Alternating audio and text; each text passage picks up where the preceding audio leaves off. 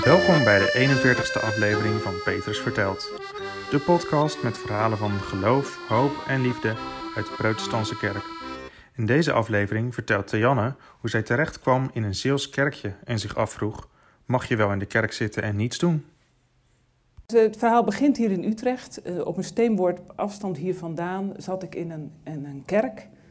En die kerk was heel uh, groot en ook heel actief. En ik zat daar in de beleidsgroep, in de gebedsgroep, in de liturgiegroep. Ik uh, was huiskringleider en moest dus ook met andere huiskringleiders overleggen. Ik zat in een thuisfondcommissie van een uh, vriendin die in de zending was gegaan. En ik uh, moest ook nog een oude mevrouw bezoeken omdat ik mij op dat bezoekrooster had laten zetten.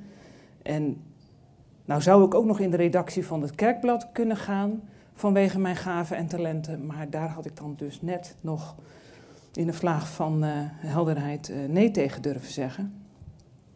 En had ik nou ook nog een baan? Ja, ik had ook nog een baan. Ik werkte toen bij de Evangelische Omroep en onder andere ook bij het blad Eva. En voor dat blad Eva mocht ik een hele leuke man gaan interviewen. En ik woonde hier in de grote stad en mijn uh, hele leuke man die woonde in een heel klein dorpje in Zeeland. Dus ik daarheen en uh, dat liep uh, heel goed af. Dus nu woon ik ook in dat dorpje. En in dat dorpje staat een kerkje.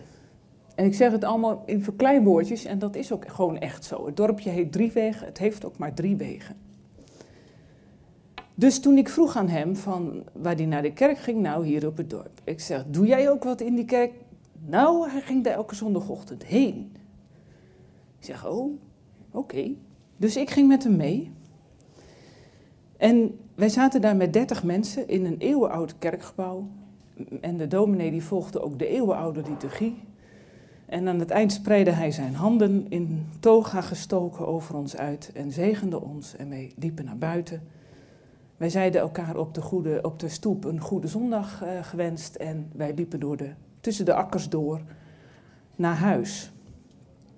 En daar moest ik van huilen. Daar was ik in het begin helemaal van, van de kaart. Ik was er echt, uh, ja, elke kerkdienst dat ik daar zat, was ik in tranen omdat ik zo opgelucht was. Omdat ik dacht, dat dat kan. Een kerk waar je niks hoeft. Waar je gewoon achterover kan leunen, gewoon kan zitten en, uh, en het je overheen kan laten komen. Waar niemand iets van je verwacht. En waar je niks, uh, nou, gewoon lekker zitten. En dat er dus ook geen show werd opgevoerd die je al happy kleppend uit moest zitten.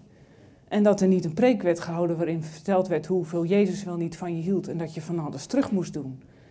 En dat er ook niet een lijst met vacatures bij de mededelingen uh, uh, kwam, waar je de rest van de dienst zenuwachtig over na ging denken hoe je daar nou weer nee tegen moest zeggen. Dus die kerk in dat dorp werd voor mij een oase, terwijl ik altijd dacht dat de kerk een werkplaats was. Dus, toen ik uitgehuild was, toen kwam er ook wel weer even wat twijfel in mij op. Want ja, mag dat wel? In een kerk zitten en niks doen. Alleen maar consumeren. Mag het zo vrijblijvend zijn?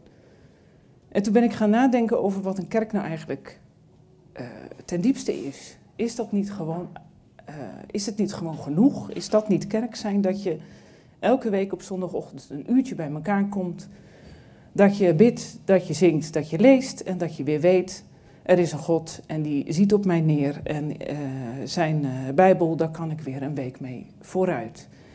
Is dat niet alles? En dan mag je hooguit nog denken, oké, door de week een beetje omzien naar elkaar is natuurlijk ook heel goed en wat ondersteuning bieden aan hen die dat nodig hebben. Maar dat bleek in mijn kerkje al heel lang uh, een prima systeem te zijn. Dus ik, ik bleef hangen bij dat eenvoudige concept van dat is misschien wel genoeg. En nou is het ook geen Walhalla hoor, waar ik nu zit in dat Zeeuwse dorpskerkje.